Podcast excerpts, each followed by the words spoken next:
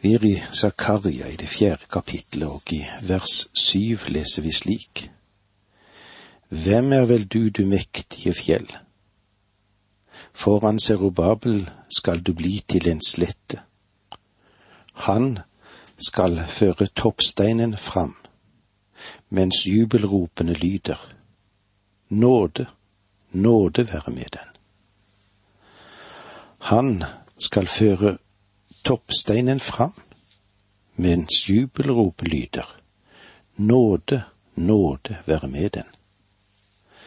Toppsteinen er den avsluttende stein som markerer fullførelsen av bygningen. Han sier at tempelet skal bli sluttført, og det skal skje med jubelrop og takksigelse fra folket. Hvilken oppmuntring dette må ha vært for den motløse rest av dette folket. Profeten gjør det enda tydeligere at fullføringen skal skje ved Serubabel. Denne fullføringen ses på som en, et nødvendig ledd før frelsestiden med den, med den fulle sannhet med Herren kan bli virkelighet. Det vi ser her, er at utsagnet det munner ut i en tale om dem som har foraktet begynnelsen av gjenreisningen på grunn av den ringhet som den hadde. Men så taler det dog om glede ved å se at byggverket blir ferdig. Vi leser videre i vers åtte. Herrens ord kom til meg, og det lød så. Serubabels hender har lagt grunnen til dette hus. Hans hender skal også fullføre det. Da skal du sanne at Herren allers Gud har sendt meg til dere. Dette er Guds løfte at hans verk ikke skal trekke i langdrag, og at en annen til slutt skal fullføre det. Nei, Serubabel selv skal få gleden av å fullføre verket. Dette kan òg minne oss om det løftet som vi finner i Nytestamentet og jeg er viss på at Han som begynte en god gjerning i dere, skal fullføre den, helt til Jesu Kristi dag, som vi ser i Filippene 1,6. Gud sier til Serubabel, Du har lagt grunnsteinen, og jeg var med deg.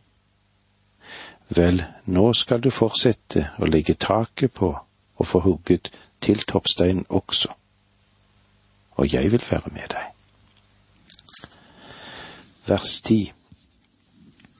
Ja, alle som har ringaktet den dagen da det begynte i det små, skal glede seg når de får se blyloddet i Serubabels hånd. De sju, det er Herrens øyne som farer over hele jorden.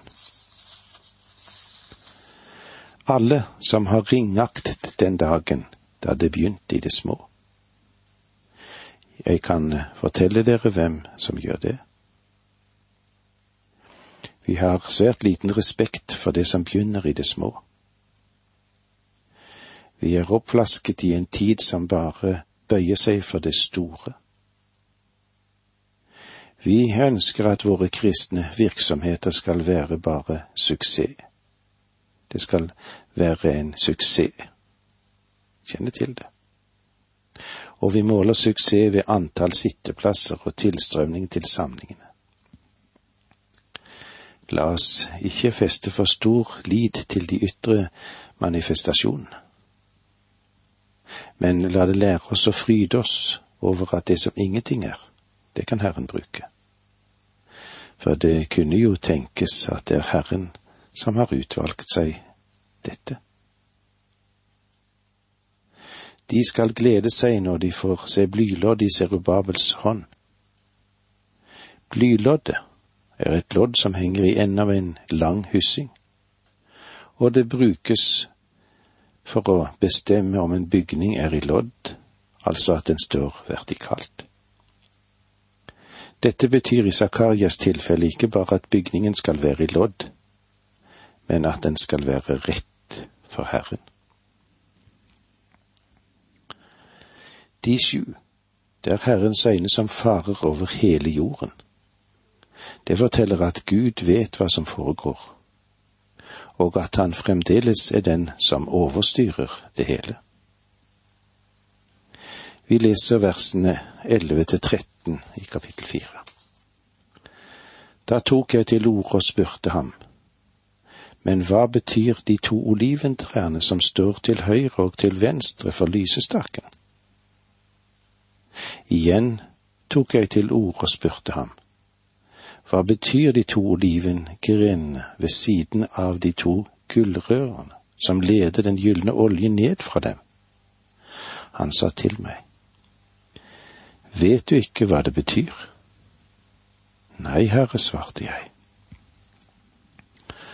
Zakaria ber igjennom en forklaring, og engelen svarer, vet du ikke hva det betyr?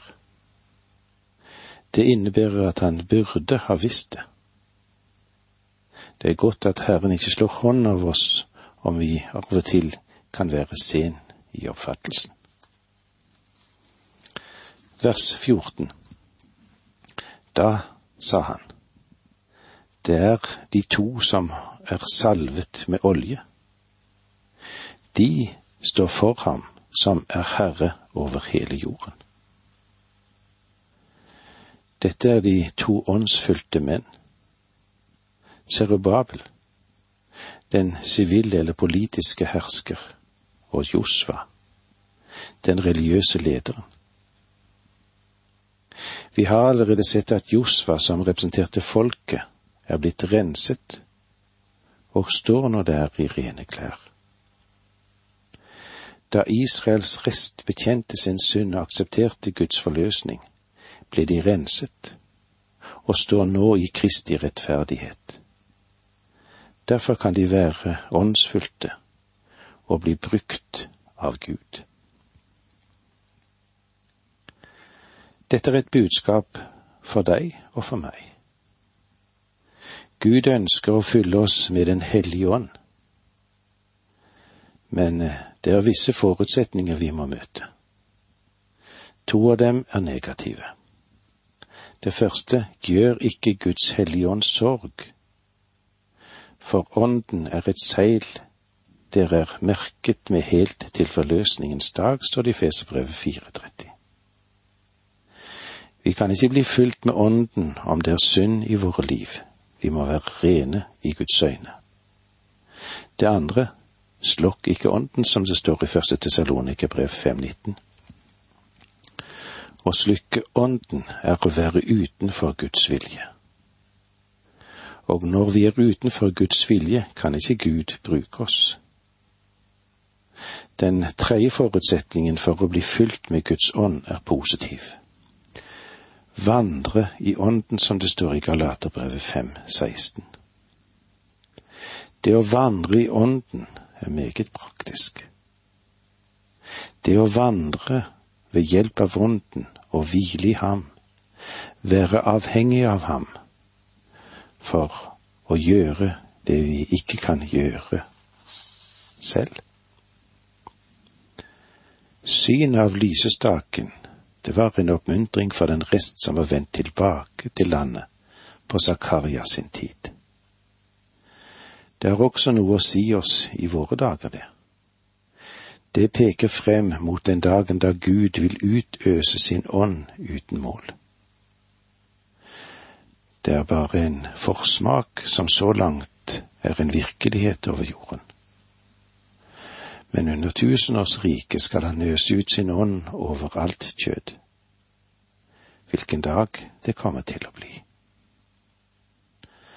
Og det var så langt som vi hadde med fra det fjerde kapitlet hos Zakaria.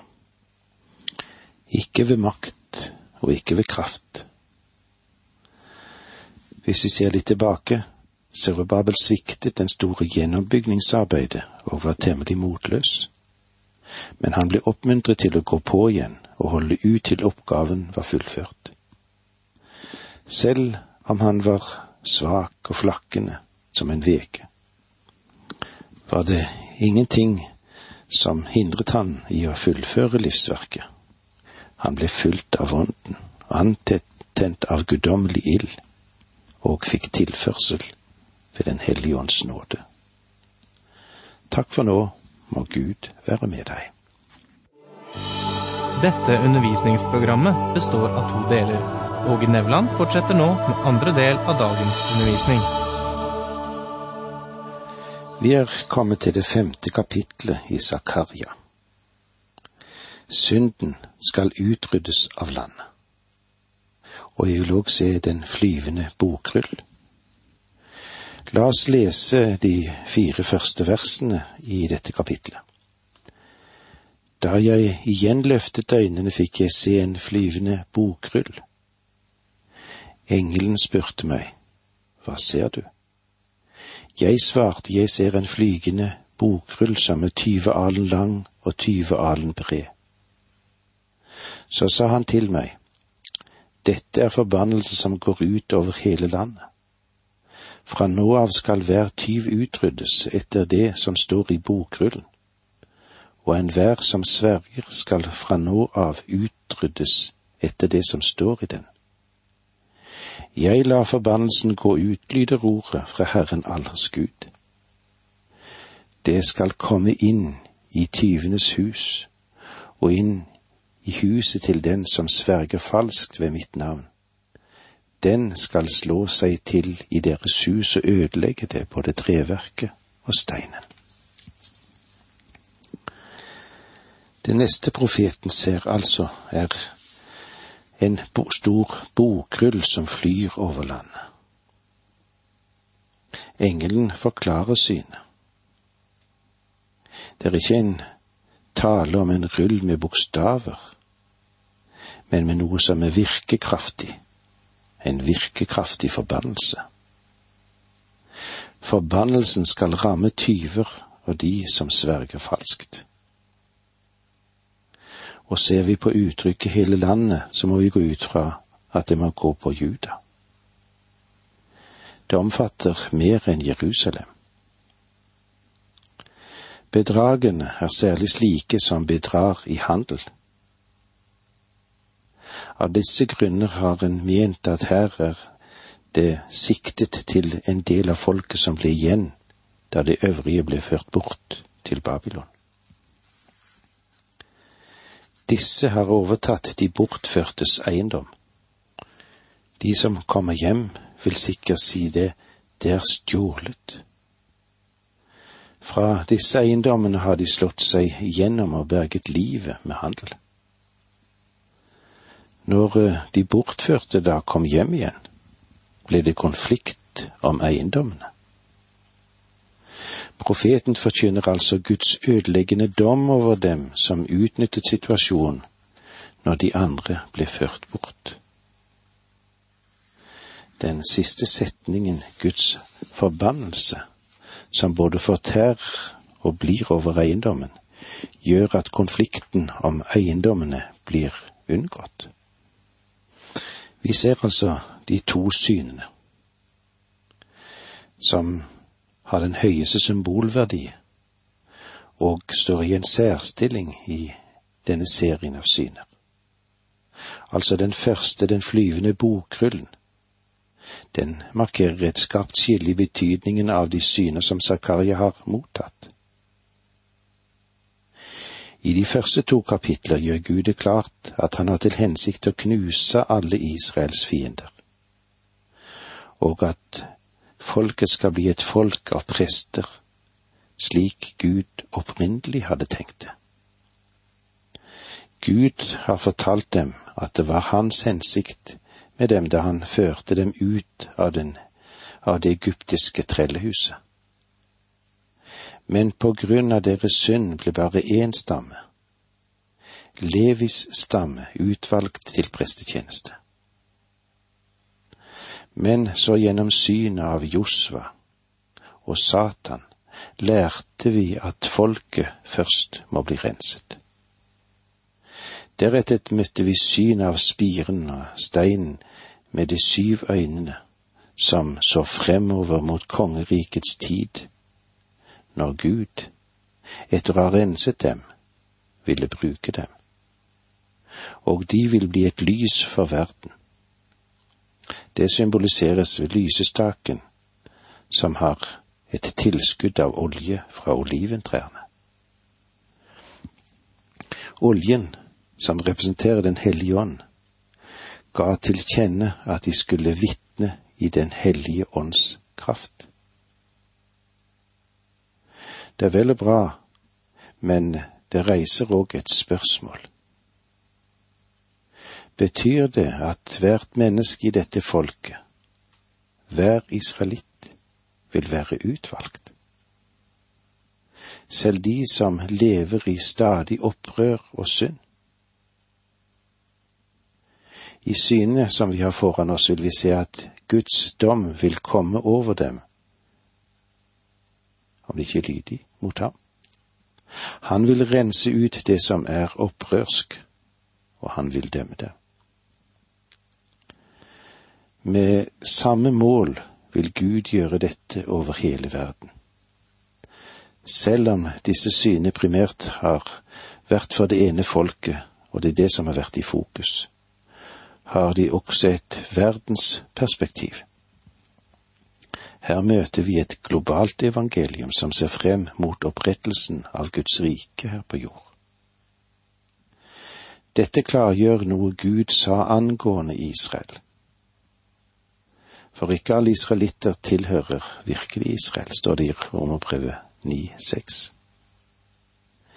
Det er den nasjonale helheten, det samlende legeme, ikke hvert individ som vil bli akseptert. Hvert enkelt menneske må være lydig mot Gud. De må komme til ham for å bli renset, som vi har sett, og må ta imot Messias. Det som er sant om Israel, er også sant om menigheten. At vi er medlemmer av et kirkesamfunn, betyr ikke nødvendigvis, dessverre, at vi er ekte kristne. Det vil si medlemmer av det samfunn av sanne troende som blir kalt menigheten. Det vil komme en dag da det skal være et skille mellom troende og ikke-troende. Denne store delingen av kirken vil skje ved bortrykkelsen. Og skillet for Israels del og for alle folkeslag på jorden vil skje ved Kristi annen komme, når han samler sine utvalgte inn i sitt rike. Deretter vil det bli en dom, og Satan vil bli bundet i tusen år. Og alt dette ligger i det bildet som er gitt oss her og du kan sikkert se at dette ble gitt som oppmuntring til den gudfryktige rest av israelitter på Zakarias tid, så vel som i dag. Men la oss nå gjenta det første verset her i kapittel fem. Da jeg igjen løftet øynene, fikk jeg se en flyvende bokrull. Det første vi må fastslå er at den flyvende bokrullen er en bokrull som representerer Guds ord. Denne forklaringen får vi òg av profeten Esekiel, slik som det står skrevet i kapittel 2, 9 1-3-4. Da jeg så opp, fikk jeg øye på en hånd som var rakt ut mot meg, og i den var det en bokrull. Han brettet den ut foran meg, men det var skrevet på den, både inni og utenpå og det som sto skrevet der var klagesanger, sukk og vedrop. Han sa til meg, menneske, et det du finner her, et denne bokrullen. Gå så og tal til Israel sett. Jeg åpnet munnen, og han lot meg ete bokrullen. Menneske, sa han, mett din mage og fyll dine innvoller med denne bokrullen som jeg gir deg. Da åt jeg den, og den smakte søtt som honning. Så sa han til meg, menneske, gå til Israels ett og tal mine ord til dem. Esekiel, han skulle fordøye Guds ord, og så skulle han gi det videre til folket. Det er et veldig bilde som stiger frem for oss her som predikanter. Vi må ta til oss og fordøye Guds ord. Det kan av og til kjennes noe som bitre urter i vårt indre, det. Men i vår munn skal det være søtt som honning. Det vil si noe vi fryder oss over og formidler videre. Og jeg bør vel legge til at det er veldig meningsforskjeller og mange tolkninger angående denne flyvende bokrullen. Men det synes å være utstrakt enighet om at bokrullen, den representerer Guds ord generelt, og de ti bud spesielt. I vers to. Engelen spurte meg, hva ser du? Jeg svarte, jeg ser en flyvende bokrull som er 20 alen lang og ti alen bred. Størrelsen på bokrullen var 20 alen ganger ti alen. Det vil si en meget stor bokrull. Bokrullene på Zakarias tid var laget av papyrus eller skinn med en stokk i hver kortende slik at de kunne rulle manuskriptet fra den ene stokken over på den andre, etter hvert som de leste. Vi vil komme mer inn på dette når vi møtes igjen neste gang, for det var så langt vi kom i dag. Takk for nå, må Gud være med deg.